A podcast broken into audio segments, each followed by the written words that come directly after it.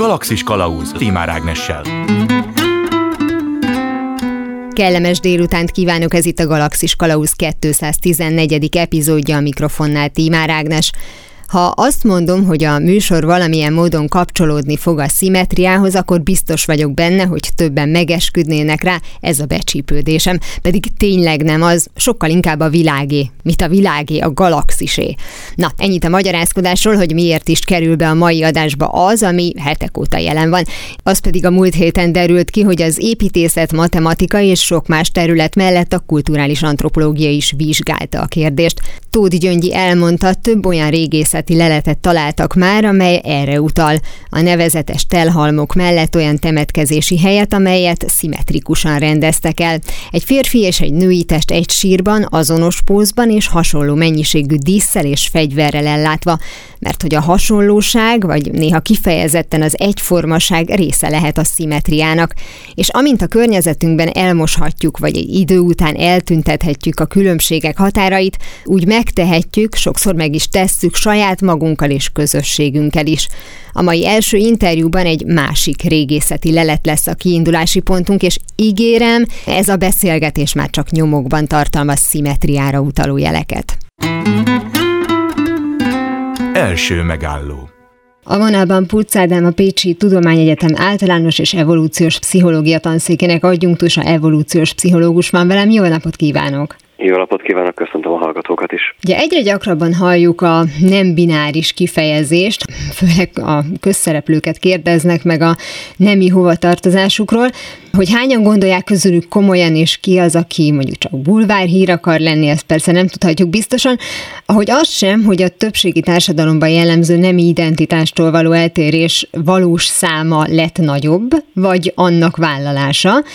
Néhány adással korábban keresztes Noémi Ninát a régésszel beszélgettem, Lucyról a majomemberről, és ennek kapcsán arra is kitértünk, hogy az evolúció során fokozatosan csökkent és csökken a férfiak és nők közötti különbség, gondolom több szempontból. Ha ebből indulunk ki, akkor mennyire légből kapott az az elgondolás, hogy bizonyos idő múlva akár teljesen megszűnhetnek ezek az eltérések? Az, hogy teljesen megszűnjenek az eltérések, az valóban légből kapottnak mondható, tehát a nemi különbségek már csak a reprodukció, illetve a faj fenntartás érdekében is meg kell, hogy maradjanak, illetőleg az evolúciós lépték is ugye sokkal-sokkal hosszabb távon érezteti hatását, ezek sokkal lassabb átmenetek, amelyeket az evolúció előidéz, mint ahogy azt egy akár egy emberöltő, vagy több emberöltővel is mérni lehessen de abban sok igazság van, hogy a társadalmi változások azok kihatnak a preferenciáinkra, illetve a párkapcsolati működésre, illetve a párkapcsolati modellekre is. Volt egy ilyen félmondat, amiben azt hangzott el, hogy vajon ezek a, a nem bináris nemi identitással rendelkezőknek a, a száma valóban növekszik, avagy csak többen merik felvállalni. Itt egy jó referencia lehet egyébként a homoszexuális férfiaknak a száma.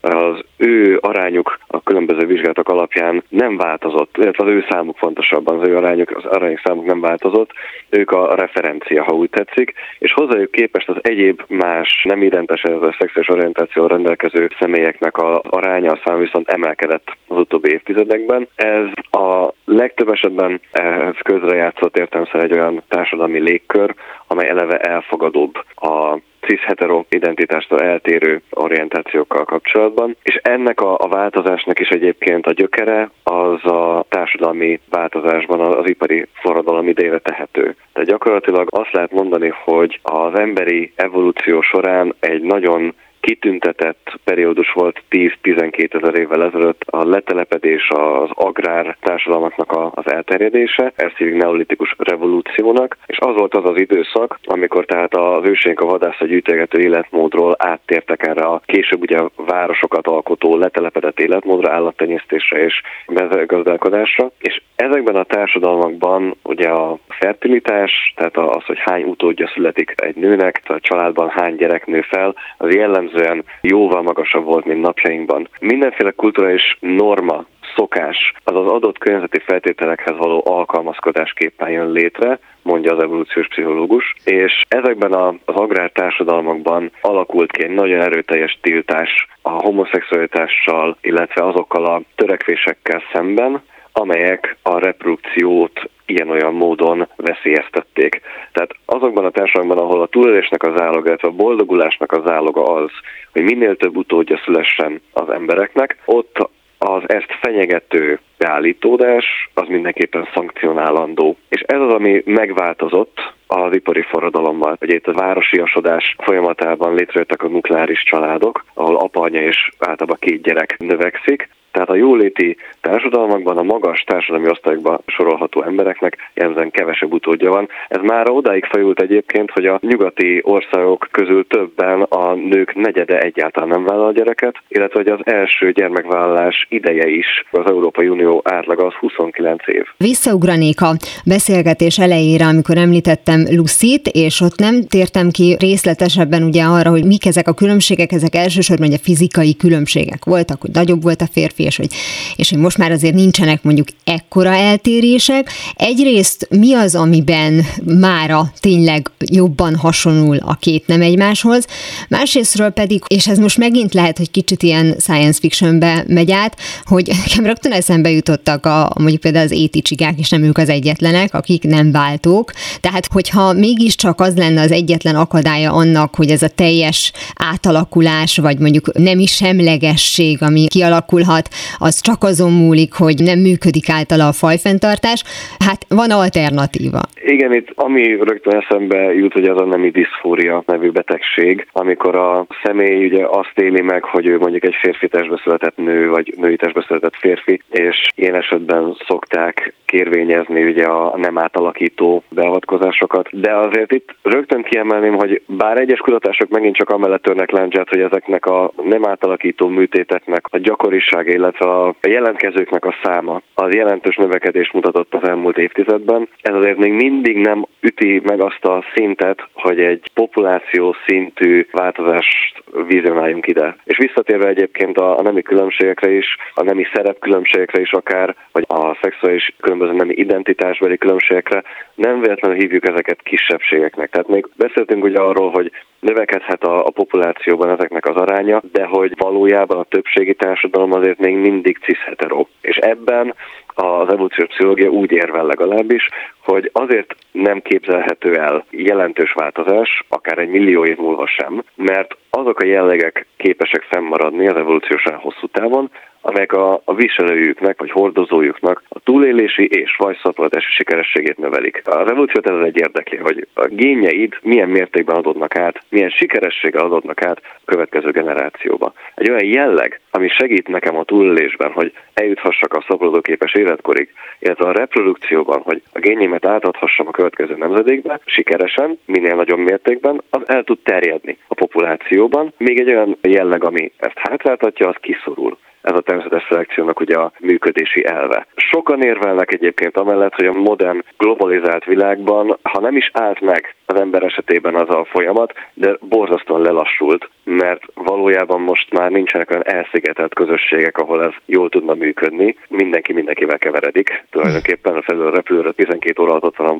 föld másik oldalán, de az tény, hogy ezzel együtt is a fiziológiai, tehát a megjelenésbeli különbségek várhatóan nem fognak teljesen eltűnni, ez is biztos. És ennek az egyik oka pedig megint csak az, hogy a párválasztási preferenciáinkban még mind a mai napig tükröződnek azok a, az evolúciós örökségek, algoritmusok, amelyek mentén ősanyaink és ősapáink választották a partnereiket. Gondolok itt például arra, hogy a, a, ugye ezek a másodlagos nemi jellegek, amelyeket ugye a nemi hormonok alakítanak ki, férfiak és nők ezeket univerzálisan vonzónak tekintik, és hogy ebben a szaporodást elősegítő preferencia, ebben jelentős változás vélhetőleg nem várható. Független attól, hogy egyébként ugye manapság sem kell már férfi a megtermékéléshez, tehát ha a nők átvehetnék az uralmat bármikor, na de nem csak nem kell gyereket, hanem utána fel is kell nevelni. És rengeteg olyan evolúciós algoritmus fejlődött ki az emberben is, nyilván az állatvilágban, amelyek túlmutatnak a, a szaporodáson, tehát nem csak a szaporodás a lényeg, hanem utána az utód felnevelése és biztosítása, hogy ő is továbbadhassa a gényeit. Ez a női uralom növekedés, ez mindenképpen szerintem a női hallgatóknak tetszett, vagy legalábbis nekem tetszett, tehát hogy nekem ezzel semmi bajom nem lenne, de visszatérve erre, hogy akármilyen a divat, az az alapösztöneinket mondjuk nem feltétlenül fogja megváltoztatni, de ez, amit említett, hogy nem feltétlenül szükséges, ugye most a gyakorlatról van szó férfi ahhoz, hogy a fajfenntartás azért megmaradjon, ez van, volt hatással a férfi fertilitásra? A férfi feltétásra, meg a női feltétásra is más dolgok vannak hatással. Tehát az ipari forradalomhoz kötik ezt is egyébként, illetve a városiasodás, az életmódbeli változás, illetve a táplálkozás változáshoz, hogy a férfiaknál például az livarsejtszám csökken, az ondónak a minőségeben van egy fokozatos romlás, illetőleg hát olyan civilizációs betegségek, mint például a kettes típusú cukorbetegség is összefüggésben van a, a termékenységet, tehát csökkenti a, a termékenységet, akár ugye vetéléshez vezethet a magas magas vércukorszint. Tehát megfizetjük az árát a jóléti társadalmaknak, ezzel csak ezt akarom mondani. Már ugye több interjúban felhívta a figyelmünket, hogy az evolúciót ne egy ilyen gondolkodó entitásként kezeljük, de hogy Igen. akkor valójában az, hogy romlott ez a minőség, és nem feltétlenül képesek annyi gyereket nemzeni, az nem azért van, mert kiderült, hogy nincs is erre szükség. Nem, illetőleg hát a bizonyos evolúciós demográfiával foglalkozó szakemberek, vagy az evolúciós pszichológusok is abban az alapvetésből indulnak ki, amit el is mondtam, hogy az emberek, illetve az állatok is az erőforrásaikat végérvényesen az utód nemzésre, illetve a saját reproduktív sikerességüknek a maximalizálására kéne, hogy kihasználják. És valójában nem ezt látjuk. Tehát, hogy potenciálisan ugye egy nő maximálisan, ha a termékenységi periódusát teljesen kihasználna, nagyjából 15 utódot tudnak létrehozni, és ehhez képest hogy még a, az agrártársadalmakban is lényegesen alacsonyabb ez a szám, ilyen 6 körüli, szemben ugye a, az iparosodott modern társadalmak, ahol az átlagos gyerekszám 1,1 és 2 közötti általában. Tehát miért nem használjuk ki, hogyha egyszer van, van erőforrás, miért nem születik több gyerek? És itt jön a képbe az a kulturális átmenet egyébként, amit szintén az ipari forradalom indított el, nevezetesen azzal, hogy a, a nők is elkezdtek visszaáramlani a munkaerőpiacra. Visszaáramlani, mert a vadászgyűjtögetőknél nem véletlenül beszélünk vadászokról és gyűjtögetőkről, ez egy klasszikus képkeresős családmodell. A nők gyakorlatilag az agrárforradalma, a neolitikus revolúció idején szorultak ki a munkaerőpiacról. Ott uralkodott el a, a patriarchális berendezkedés, amit az ipari forradalom által létrehozott gyári munkák, amelyek tulajdonképpen bárki által elvégezhető munkák voltak, nem kellett hozzá férfi erő, mint a föld megmunkálásához például. Így aztán, hát ugye elménte szerencsétlen gyerekeket is, meg nőket dolgoztatták, de ez elindította aztán hogy a nőjogi mozgalmakat, és ez az átmenet a patriarchális rendnek a csökkenése, illetve a gyengülése, valamint az, hogy a nemi egyenjogúsági törekvések elindultak, aztán ezek hozták magukkal később a homoszexualitás elfogadásának a normáját is a jóléti társadalmakban. Ezek mind-mind olyan változások, amelyek a reprodukció maximalizálása helyett az individuum boldogulására helyezik a hangsúlyt. Ugye itt a különböző átkapcsolási mechanizmusokról beszélünk az evolúciós pszichológiában, ezek úgynevezett trade-offok, amik azt mondják, hogy mivel az erőforrások korlátozott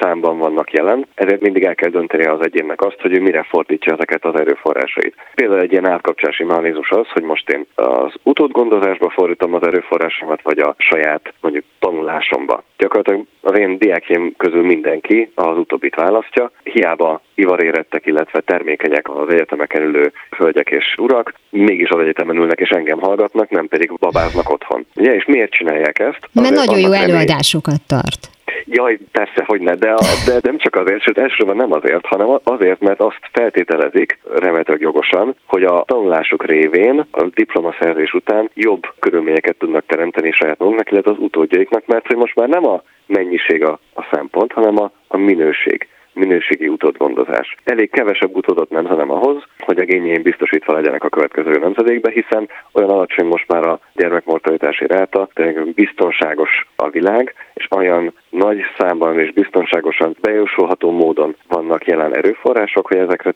lehet alapozni, ezekre lehet tervezni. Egy pillanatra visszaugranék a nőjogi mozgalmak kialakulásának az idejére, hogyha nem politikai vagy esélyegyenlőségi szempontból vizsgáljuk, hanem biológiai értelemben, hogy persze van egy határa, meddig mondjuk fizikailag valaki képes valamire, vagy akár mondjuk intellektuálisan, most ez teljesen mindegy, ezek lehet lehetnek nemenként eltérőek, és még akkor is, hogyha nem kell a nőnek traktort vezetni, de valóban elkezdett már nagyon hamar, ahogyan is mondta, olyan munkát is végezni, ami nem feltétlenül volt az ő fizikai adottságaihoz mérten elvárható, vagy akár olyan hobbit űzni, amivel ugye ma is találkozunk, és itt azért nem tudom, hogy nagyon pici időben a lépték, hogy ez mérhető legyen, de ez például nem okoz átalakulást a mondjuk a testképben? A testképben való átalakulás az mindenképpen egy, egy sokkal gyorsabb folyamat, tehát az, az egyéni életút során is ugye változik a saját testünkhöz való viszonyunk, a testképünkkel való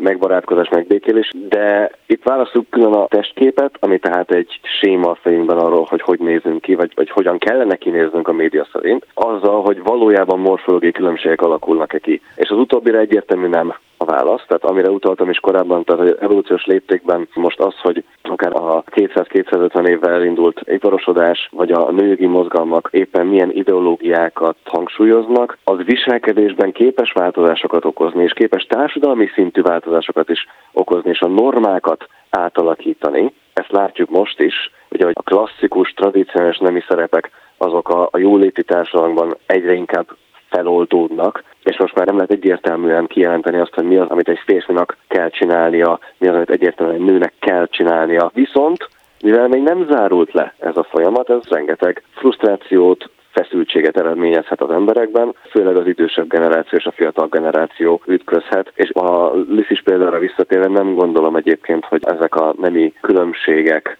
a nemi dimorfizmus ugye így hívjuk a szakszóval azt a méretbeli különbséget a hímek és a nőstények, illetve a férfiak és a nők között, hogy az, hogy az megszűnne, az eltűnne. Tehát uh-huh. tudjuk jól azt, hogy a legközelebbi rokonaink az állatvilágban, hogy a csimpánzoknál, vagy a gorilláknál, a gorilláknál jóval nagyobb a nemi dimorfizmus, a hímek sokkal nagyobbak a nőstényeknél, a csimpánzoknál pedig, vagy a bonobóknál épp ellenkezőleg ott az emberhez képest is sokkal kisebb a nemi különbség, és ez egy csomó minden egyéb fiziológiai változást is magában foglal. Az ember ott valahol a kettő között van. És az, hogy ez így alakult, az az emberi evolúció évmillióinak a következménye. Tehát ebben a közeljövőben drámai változásra nem számítunk. Ez az előrejelzésem. Azért kérdeztem rá a korlátokra, mert az interjú előtt volt egy beszélgetésünk, és ott említette azt, hogy hát még hogyha szeretnénk sem biztos, hogy ugyanarra vagyunk képesek, ugye nagyon divatosak és egyébként jogosak azok az üzenetek, hogy nemtől függetlenül mindenki ugyanarra képes, ugyanazt megpróbálhatja, ugyanaz az értéke.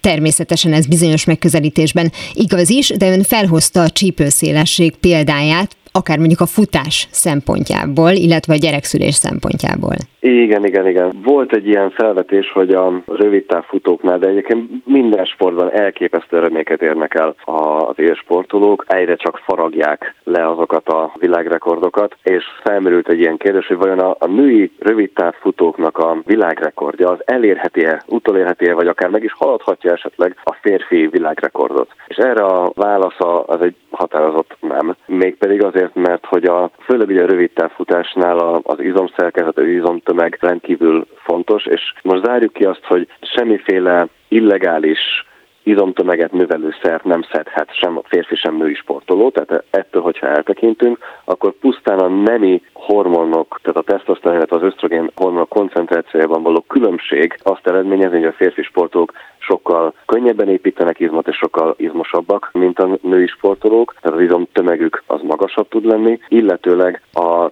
csípő szélességük is, ugye a gyermek szülés miatt a nőknek szélesebb a csípőjük átlagban, és innentől fogva ez egy fizikai tény tulajdonképpen, hogy egy szélesebb csípővel végzett mozgás az nem lehet olyan hatékony, mint egy szűkebb csípővel végzett mozgás. Tehát egyrészt a csípő szélesség, másrészt pedig az izmoknak a működése magyarázza azt, hogy vélhetőleg ahogy a női rövidtávfutóknak az ideje is egyre csak olvad el, és egyre gyorsabbak lesznek a női rövidtávfutók, ezzel párhuzamosan a férfi rövidtávfutók is még egyre gyorsabbak lesznek, és nem tűnik el az a különbség. Pont az jutott eszembe most csak így mellékesen, hogy ilyenkor teljesen jogos, hogy nemenként külön választják az adott sportágon belül a versenyt, mert hát nyilván nem lenne igazságos a dolog, de az is teljesen jogos, hogy egyre többen vetik föl, hogy a színészeknek a díjazása, akár még egy Oscar díjon, miért kell külön választani a nőket és a férfiakat ahhoz aztán ugyanolyan képességük van, hogy eljátszanak valamit, tehát hogy ott aztán nincs a jelentősége sem a nemnek, sem a bőrszínnek. Tehát, hogy ez egy, igen, ez egy érdekes kérdés. Beszéltünk már ugye arról, hogy egyrészt az adott divat az hosszú távon nem befolyásolja az alapösztöneinket, hogy láttuk már ugye férfiaknál széles vár, nőknél hosszú haj, most ha nagyon leegyszerűsítjük, és az is szóba került, hogy a tudás az pedig mindig egy vonzó tulajdonság. Egyrészt férfiak tudásáról van szó, mert hogy neki kell a családot majd eltartani, vagy ez minden nemnél vonzó, hogyha mondjuk úgy, hogy a kornak megfelelően okos, ami gondolom koronként mást jelent, és egyáltalán miért fontos az, hogy okos legyen? Hú, ez egy, megint csak egy nagyon jó kérdés. Összességében, amikor párválasztásról beszélünk, akkor meg szoktak különböztetni rövid és hosszú távú párválasztási preferenciákat. Nincsen intelligenciabeli különbség nagy átlagban férfiak és nők között. Tehát az, hogy adott esetben több férfi Nobel-díjas tudunk felsorolni, mint női Nobel-díjast, ez sokkal inkább egy társadalmi konstrukció. Tehát az, hogy a férfiak kerülhettek eddig pozícióba. Visszatérve a párválasztáshoz. És igen, a smart is the new sexy, az okosság az új szexi vonás. Azt szokták mondani egyébként, hogy a humor, ami szintén egyébként egy jó fitness indikátor, tehát jelzi a viselőjének, illetve a humorizálónak a, a genetikai minőségét, hiszen a, a legköltségesebb szervünk az agyunk az energia szükségletünknek a 60%-át képes felemészteni a vagyműködésünk. Aki ezt elaborált módon képes működtetni, és ráadásul még frappáns poénokat is képes elsütni, az arról tesz a bizonyságot, hogy neki van elég erőforrása, elég jó génekkel rendelkezik ahhoz, hogy ezt ne engedhesse magának, és ez szexi. Azt szokták mondani, hogy a férfiak esetében az a jó, hogyha meg tudja nevettetni a hölgyet, míg a nőknél az a, az a foknél, hogy meg tudja nevettetni a férfi. Egyébként itt is le kell lomboznom a férfi társaimat, ha egy nő nevet a, a vicceinken, az nem azt jelenti, hogy nyert ügyünk van. Sőt, valójában egyes kutatások azt mondják, hogy a nő akkor hajlamos nevetni, hogyha amúgy is tetszünk neki. Tehát a... De mindegy, a humor az nagyon-nagyon fontos. És értem szerint nem csak a férfinál, tehát az, hogy a férfi képes egy jó, szellemes viccet elmesélni, az csak az egyik fele a sztorinak. A másik fele az az, hogy ezt tudni kell értékelni. És ugye a, a befogadó oldaláról legalább annyira fontos ez a készség, hogy, hogy meglegyen a jó humorérzék, mint az azt produkáló oldaláról. Tehát igen, az intelligencia az nagyon-nagyon fontos. Rövid távon azt szokták mondani, hogy a férfiak a kevésbé intelligens hölgyeket preferálják, de hosszú távon a homogámia érvényesül, ez azt jelenti, hogy a hasonló hasonlót elv működik. Akár gondoltunk itt a humorérzékre, akár az érdeklődési körre, szocioekonomiai státuszra, fizikai megjelenés. Most nem azt mondom, hogy a fizikailag hasonló emberek találják meg egymást, de hogy a fizikai vonzerő szempontjából nagyjából azonos kaliberű, kategóriájú személyek találják meg egymást a leggyakrabban a párválasztás piacán, és még sorolhatnám. Tehát az intelligencia szintén egy olyan vonás, ami a hosszú távú párkapcsolatokban azért nagy korrelációt mutat a férfi és a nő között. Az teljesen elképzelhető, hogy a következő évtizedekben még növekszik a társadalom azoknak az aránya, akik nem binárisként határozzák meg magukat. De azt gondolom, hogy ez mindig is egy kisebbség marad. Független attól, hogy a társadalmi közeg, ami körülveszi az adott illetőt, az mennyire támogató vagy sem. Értem szerint még hosszú út áll előttünk, mert mind a mai napig rengeteg vizsgálat bizonyítja azt, hogy a nem bináris identitással rendelkező személyek egy különös rizikócsoportot képeznek, akik a különböző mentális betegségekre, szorongásos, depresszív tünetekre, akár öngyilkossági kísérletekre fokozottan veszélyeztetettek, és ezért nagy mértékben a társadalom elfogadása vagy el nem fogadása tehető felelőssé. Tehát az biztos, hogy fokozott figyelmet érdemelnek, és az is biztos, hogy a társadalmi elfogadások az segíthet a személyeknek abban, hogy felmerjék vállalni, hogy önazonosak tudjanak maradni, és a mi feladatunk az én olvasatomban az, hogy a társadalomban mindenki megtalálja a helyét, és mindenki a társadalom hasznos tagjának érezhesse magát, és boldog életet élhessen. Ehhez pedig azt kell, hogy ne stigmatizáljuk az egyes csoportokat, hanem elfogadjuk és segítsük őket a legjobb futásunk szerint. Nagyon szépen köszönöm Pucz Ádámnak, a Pécsi Tudományegyetem általános és evolúciós pszichológia tanszékének, adjunktusának, evolúciós pszichológusnak, hogy mindezeket elmondta. Én köszönöm az interjú lehetőséget. A végtelenbe és tovább. Sokszor saját magunk is észrevesszük, hogy a divat mondjuk így áldozataivá válunk, sajnos általában később, mint kellene, és ahogy hallhattuk, bizonyos tekintetben az alapösztönökön hosszú távon nem változtat az éppen aktuális trend. Ugyanakkor nem mindig kell negatív értelemben kezelni a tényt, hogy sokaknak ugyanazt tetszik. Hogy milyen más területen jelenhet meg a közízlés, vagy annak szándékos elkerülése, erről beszélgetünk hamarosan a Galaxis Kalauzban. Galaxis Kalauz Timár Ágnessel. Ez itt továbbra is a Galaxis Kalauzén Tímár Ágnes vagyok. Folytatódik az ízlést befolyásoló tényezők vizsgálata. Az előző fél órában többek között arról beszélgettünk Pucádám evolúciós pszichológussal, hogy vajon az emberiség történetében a nemek egymáshoz idomulásának lehet-e az az eredménye, hogy egy idő után nem beszélhetünk külön férfi és női nemről. És ha így lesz, vajon mikor? Ennek kapcsán természetesen az ősi és jelenkori párválasztási szokások is szóba kerültek, és persze az, hogy lehetnek éppen aktuális divathullámok, de hosszú távon nem képesek az embert eltántorítani attól az ízlésétől, amely tudat alatt a fajfenntartással kapcsolatos. A vonzalom kialakulásába természetesen nem csak külső jegyek tartozhatnak. Puc Ádám kiemelte, a tudás, az ész mindig vonzó volt az ellenkező nem számára. Aki szokta hallgatni a Galaxis Kalauz tudja, nem általok filmes élményekre hivatkozni, ha példálozni szeretnék. Szóval ezt sajnos most sem ússzák meg. A Shirley Valentine című brit filmben a rossz tanulónak elkönyvelt lány az egyik feleltetésnél a tanár által feltett kérdésre mindenféle csalás nélkül a helyes választ adja mert azt pont tudta. Mire meg is vádolják, hogy biztosan valaki megmondta neki. Ő pedig jogos düvel válaszol, hogy hát persze, különben honnan tudná. Gondoltam, így illusztrálom a szerzett tudás és a nevezzük úgy velünk született intelligencia közötti különbséget. De mivel a származásától függetlenül az előző interjúból megtudtuk, hogy a tudás mindig is szexi volt, érdemes lenne megvizsgálni, hogy amennyiben szerzett tudásról van szó, vajon voltak-e a történelemben olyan időszakok, amikor jobban küzdöttünk, hogy megszerezzük, és ha igen, hogyan és miért tettük.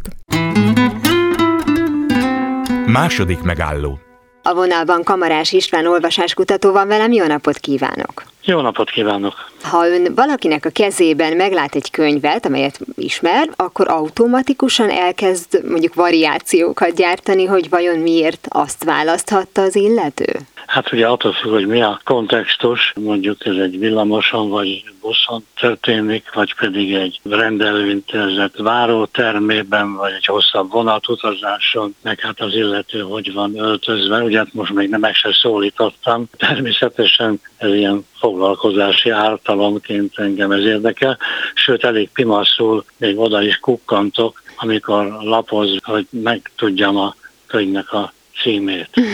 És mik a variációk? Mert ezt, hogy rögtön felsorolta azt, hogy ugye a helyszín, az, hogy hogy néz ki az illető, gondolom esetleg a neme is számít, a kora is számít. Mik lehetnek? Tehát, hogyha mondjuk lát egy klasszikust, vagy lát mondjuk egy divatkönyvet, akkor abból megpróbál nem leszűrni következtetéseket, vagy ha mégis, akkor ezek mik lehetnek? Hát ugye rögtön tegyük hozzá, hogy ma már az a, az ember ezeken a felsorolt színhelyeken, aki nem a mobiltelefonját pötyögteti, vagy hasonló kütyüket, az már majdnem, hogy azt lehet mondani, hogy nem tipikus jelenség. Ehhez képest még viszonylag meglepően sokan könyvet is forgatnak a kezükbe ezek a helyeken, de már általában az idősebb nemzedékek. Nagyon ritkán lehet könyvolvasó 10-20 éves látni, mert egy más eszköz van a kezében. Régebben divat volt, de még egyébként ma is látom, hogy vannak ilyen könyvvédők, vagy akár mondjuk papírba csomagolja az olvasó őket,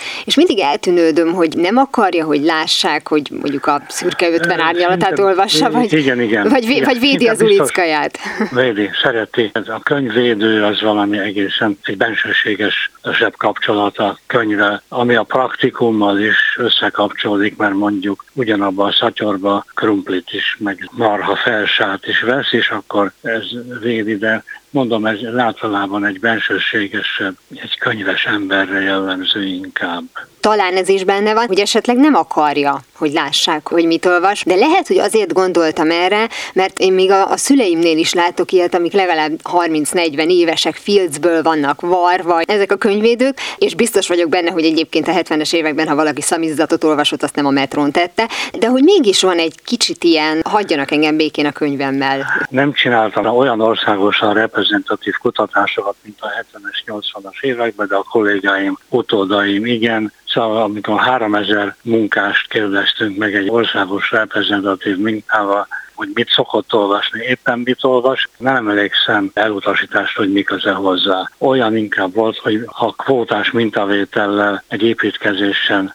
három köművest kellett találni, akkor a három köműveshez csatlakozott még négy-öt-hat, hogy minket nem kérdeznek meg. Jó, itt azért másról is volt szó, mert hát kevertek is minket, hogy a rádiótól jöttek, és akkor lehetett panaszkodni bármire. De mondom, munkások, értelmiségek, pedagógusok körében végeztünk ilyen nagy mintás vizsgálatot, az hát eléggé személyes dolog. Az már bonyolultabb, hogy amit olvasott, az tetszette, nem tetszett, miért tetszett, mit is jelentett számára. De itt sem a bizalom, hanem erről nehezebb beszélni. Szóval nagyon érdekes, hogy az emberek, hát főleg itt a hölgyek erről még többet tudnának mondani, de mondjuk a fodrásznál, a borbeinál, hát egészen bensőséges érzelmi, akár szexuális életükről is ide, félig meddig ide jönnek az emberek gátlás nélkül beszélnek. Ilyen olvasmány élményekről azért kevésbé, mert erre kevesebb a szókincsük. De mondom, nem voltak ilyen akadályok. Hogy ez most változott-e volna az utóbbi húsz évben, azért ezt nem gondolom. Később akartam erre kitérni, de ha már szóba hozta, ez mindenképpen érdekel, hogy miért nem beszélgetünk könyvekről, és ilyen fel sem merült bennem, hogy esetleg nincs erre szókincsünk,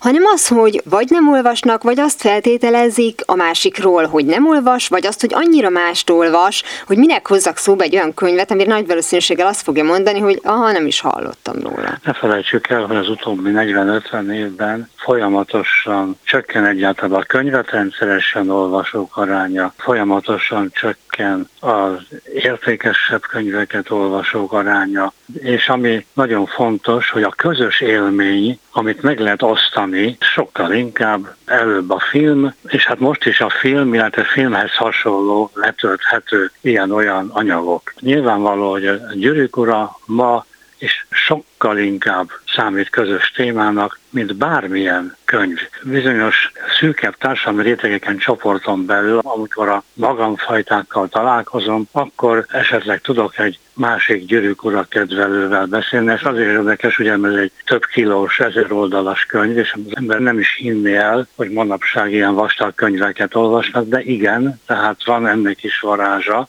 Ugye a könyv iránti igény és a könyv élmény nem különbözik a filmek élményétől. Tehát az európai kultúrában egész az Odüsszeljától, vagy nem tudom, a lovag, középkori lovagregényektől kezdve máig a leg, hát hogy is mondjam, hogy senki ne bán csak egyszerűbb, vagy közönségesebb, vagy rutinszerűbb akciófilmekig ugyanaz az igény a mese de a mese igényét utóbbi 40-50 évben máig egyre inkább nem könyvekből elégíti ki az ember, hanem a mozgó kép segítségével. De ha már pont a gyűrűk urát említette, ugye ez egy olyan példa, ami kultusszá vált, de valamivel később, mint a maga kora, nálunk legalábbis biztosan, és ehhez kellett az, hogy aztán filmeket készítsenek hozzá, hogy franchise legyen be, tehát hogy most már nem olyan fura dolog, ha valaki például a gyűrűk urát szóba hozza, hogyha a kiadáshoz közeli időpontban, amikor még csak a könyvről volt szó, próbált volna beszélgetni róla, akkor lehet, hogy egy ugyanolyan helyzetben találja magát, mint a bármilyen más fantasy vagy fontos szempont, amit mondott, a Gyűrűk ura és ehhez hasonló könyvek esetében azért nem tömegolvasmányokról van szó, ez egy réteg kultúra, ezek bizonyos ízlés csoportoknak a könyvei, amikor még nem jött be a film, akkor ennek szűkebb ízléscsoportok, kulturális rétegcsoportok olvasták. Amikor a film megjelent, akkor már azt lehet mondani, ezt kutattuk, vizsgáltuk, szóval körülbelül már tudjuk, hogy a filmet nézőknek, ha nem tudom, kétharmada, háromnegyede már biztos nem fogja elolvasni a könyvet. Ez nagyon fontos. Ugyanakkor fordítva megnézni filmen is, ez egy nagyon, hát nagy százezres nagyságrendű még egy Magyarországon is, de azért ez egy kisebb réteg. De ez nem intellektus függő, most pont ezen gondolkoztam, nem, hogy én is nem, nagyon sokszor nem. kerülök ilyen helyzetbe, hogyha tudom, hogy jönni fog egy adaptáció egy könyvből, akkor inkább gyorsan elolvasom a könyvet, és utána meg fogom nézni a filmet. Fordítva képtelen vagyok rá, hogy inkább itt arról van szó, itt a mechanizmusról van inkább akkor talán szó, mert a könyv az elvár egyfajta aktivitást ugye az olvasótól, sőt, hát Pontosan. hát tulajdonképpen magamra vagyok utalva, én találom ki a figurákat egy picit, és a film meg ezt megteszi helyettem, és ha már ezen én túl vagyok, akkor bizonyos értelemben jó eséllyel inkább csalódást fogok hozni a film. Sőt, a vágyfülő olvasó már nagyon gyanúsan kezeli a filmváltozatot, és nem mhm. is nézi meg, sőt azt is mondják, hogy nagyon nehéz igazából remek mű nagyon ritkán születik, amikor mondjuk egy regényt megfilmesítenek. Azért a legnagyobb filmalkotása száz között nagyon kevés ilyen van, mert általában nem lehet ugyanolyan színvonalú megfilmesíteni. Akkor lesznek ezekből igazán művészi alkotások, amikor bátrabban el tud szakadni a rendező a cselekménytől. Uh-huh. Van egy olyan érzésem, hogy itt a, remek mű volt a, a kulcs szó, mert az jutott eszembe, hogy amikor kialakul valami rajongás egy könyv vagy könyvsorozat iránt legyen az mondjuk az alkonyat, és tényleg nem akarom megbántani az alkonyat rajongókat, ők imádták a filmeket is, mert hogy ott valami másról van szó, ott van egy világ, amit kaptak, és feltehetően a könyv Hát akkor most visszatérve ugyanoda nem várt el ugyanolyan aktivitást, mint egy mélyebb irodalom. Igen, szeretné az élményt megismételni más formában. Uh-huh. Máig nagyon tipikus, hogy a kedvenc filmemet tudatszor is megnézem, és ez általában a tömegigény. Most van egyébként, hogy Józsa Péter legnevesebb magyar művészet, szociológus 35-40-szer nézte meg a Hamu és Gyémántot, de hát mondjuk ő erről könyvet is írt, és elemezte is a Jancsó filmeket is, tehát azt lehet mondani, hogy más céllal, hogy ugyanazt az élményt érezzem meg. Na most a vágyfölő nem ugyanazt akarja, azért nézi meg még egyszer, mert még valamit akar hozzá észrevenni, és így tovább. Tehát itt azért van különbség. Egyébként aki olvas, mert ugye erre már a beszélgetés elején kitértünk, hogy talán inkább, hogyha közlekedési eszközökön látunk valakinek a kezében könyvet, az idősebb korosztályhoz tartozik, de ha valaki olvas, akkor ez egy örökölt dolog lehet azért, mert látta a szülei kezében, vagy ösztönösen valaki vonzódik a, a leírt betűhöz, más meg nem. Itt azért a társadalmi, kulturális hatás és meghatározottság döntő. Döntő hogy lát-e a környezetében olvasó embert és könyvet, ez egyértelmű hatás. Az aztán ennek a finom struktúrája már természetesen az mondjuk egy kamasz gyerek, esetében sokkal döntőbb hatás, akár olvasás, akár más anyagnak a befogadásába, tehát filmek esetében is a kortárs csoport. De természetesen, hogy mesélnek egy gyereknek, vagy pedig odaültetik a tévé elé, ez döntő befolyással lehet az ő olvasói, befogadói pályájára, az egyértelmű. Úgy mondta, hogy függetlenül a műfajtól vagy a minőségtől itt a mese számít, hogy akár írott, akár mondjuk mozgóképes változatról van szó. Igen, az európai kultúrában. Az ázsiai kultúrában nem. Miért? Most én sajnos erről nincsen megfelelő tudásom, hogy mondjuk a haikunak a olvasása, hallgatása mennyire tömegigény a távol-keleti országokban, de hát tudjuk, hogy egyáltalán maguk a festmények sem tematikusak, persze mindenféle izmusok és avantgárd ellenére, és hát persze nem a történelmi festmények, aminek ugye valami sztoria van, a döntő, de itt a két kultúrában különbözik. Persze az európai kultúrához hozzásorolom az amerikai kultúrát is. Hát a versolvasás ma már a kötelező iskolai verseken kívül már-már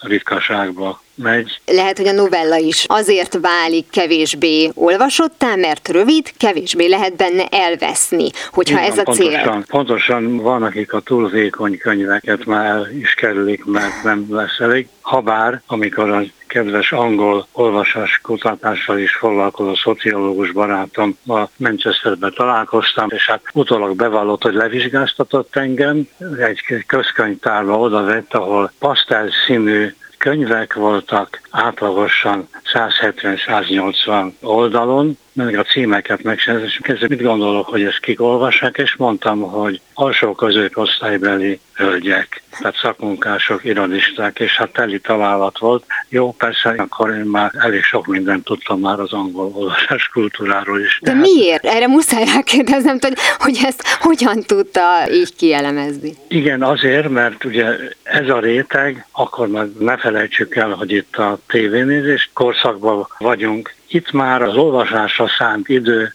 sokkal-sokkal rövidebb, kevesebb a tévénézés miatt. Visszatérve erre, hogy mese, amikor ugye riadoznak az emberek, hogyha valaki sok időt tölt mondjuk a neten, vagy különböző virtuális platformokon, akkor ugye az a félelem alapja, hogy elszakad a való élettől. De hát nem ez ugye a művészet célja is? Nem, nem azért falja valaki, akár a magas irodalmat, akár a, a, a lektűrt, hogy ne a saját életével foglalkozzon, hanem mondjuk egy kicsit valaki máséval, és ezt mégsem ítélik el, legfeljebb azt hát mondják, már itt azért már differenciálódnak az igények. Persze van, akit a jó és rossz küzdelme érdekel, és hát rukkol, hogy győzzenek a jók. Van, aki, hogy is mondjam, már a véres történeteket is, és a bizarr történeteket is kedveli, és megint másokat. Már azért a valóság is érdekel, akár a történelmi regények vonatkozásában, akár, mit tudom én, az orvosregényeknek a kedvelőire gondoljunk, tehát akár a való mostani életnek bizonyos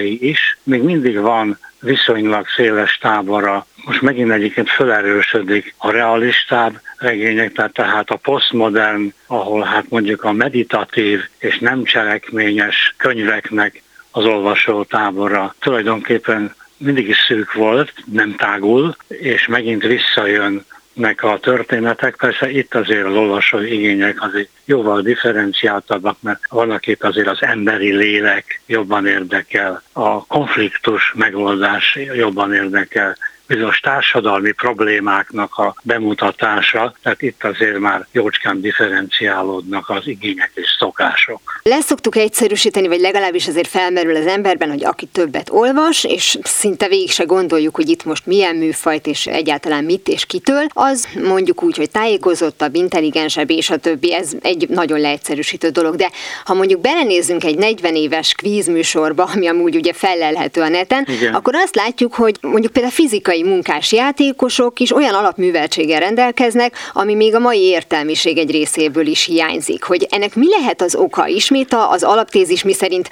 minőséget olvastak akkor az emberek, vagy sokkal egyszerűbb a képlet, hogy zárt volt bizonyos értelemben a rendszer, és azt a tudást követelték meg mondjuk egy ilyen játékban, amelyet eleve közzétettek, vagyis ugyanaz az esetlegesen magas tudáshalmaz volt adott mindenkinek. Ma pedig már nem is beszélhetünk Igen. olvasmány által szerzett szerzett alapműveltségről, mert hogy túl nagy lett a merítés, tehát túl sok mindent kellene elolvasnunk, hogy egy átlagos beszélgetésben ne tűnjünk tanulatlannak. Most túl sok minden van ebbe a kérdésbe, ez egy három félórás beszélgetés. Ugye hát ami a kvízműsorokat illeti, én hát itt ebben a tekintetben eléggé szigorú vagyok. Nem szabadna a műveltséget használni, ez a műveltségnek egy kétségkívül valamiféle felszínesebb mennyiségi jellegű része, és sokszor inkább egy kimennyi adatot tud memorizálni, egészen másfajta vetélkedőket kéne rendezni, ahol valóban az emberek kombinálnak dolgokat, kreatívan összeraknak. Hát ez egy jól eladható dolog, főleg a hatalmas összegekkel teljesen félrevezető, amikor műveltségről van szó. A művelt munkással, az olvasott munkással én bizony, a,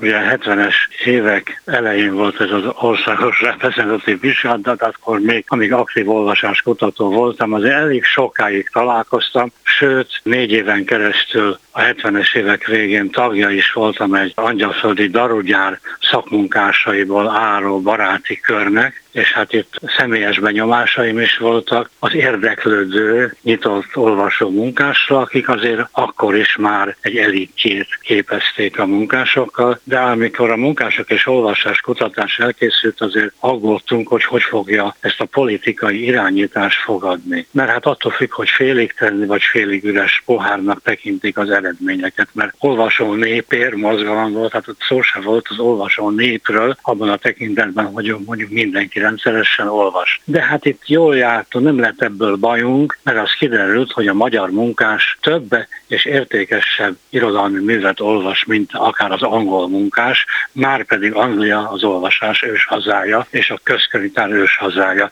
De hát a válasz borzasztó egyszerű, az angol munkás akkor már tévét nézett a magyar munkás, mm. pedig éppen akkor vezették be a tévét. Aztán változott a helyzet. Tehát sok valóban kétségkívül a Mester és Margarita című regényt a könyvtár használó olvasók azért elég széles réteg volt, azért az üzemekbe szakszereti könyvtárak jó anyaggal működtek, ennek a hőt helyét találjuk ma már. Tehát ők valóban, például ezt a regényt, mert itt konkrét adat van erről, nagyon sokan százezres nagyságrendben is olvasta ez a maximum középiskolát végzett réteg. Még egy érdekesség az, hogy ugye természetesen ebben az időben voltak propagált könyvek, a rendszer által propagált könyvek. Például óriási kampányok a szovjet könyv, a kell a jó könyv, de mögötte szovjet könyvek álltak. De itt azért már egy puhuló diktatúrában éppen szakszervezeti könyvtárosok a gyári könyvtárakban a szovjet könyv propagálása ürügyén Bulgakovot, Okudzsavát, Ajtmatovot ajánlottak, és olvastak a magyar munkás olvasók is szép számmal. Tehát itt visszaütött a dolog, miközben ez ugye nem lehetett rossz néven venni, mert ezeket a műveket kiadták Magyarországon, egyébként hamarabb és nagyobb példányban, mint a Szovjetunióban. És hát azt lehet mondani, hogy ezek eléggé olvasottak is voltak, miközben azért a magyar közízlést egészen a 80-as évekig Jókai Mór vezette, habár már a 80-as években a kedvenc írók között Jókai Anna is ott volt. És hát ugye nyilvánvaló Jókai Mór és Jókai Anna más-más variációi annak, amit mesének neveztünk. És Moldova megint más, aki ezekben az időben szintén nagyon népszerű volt,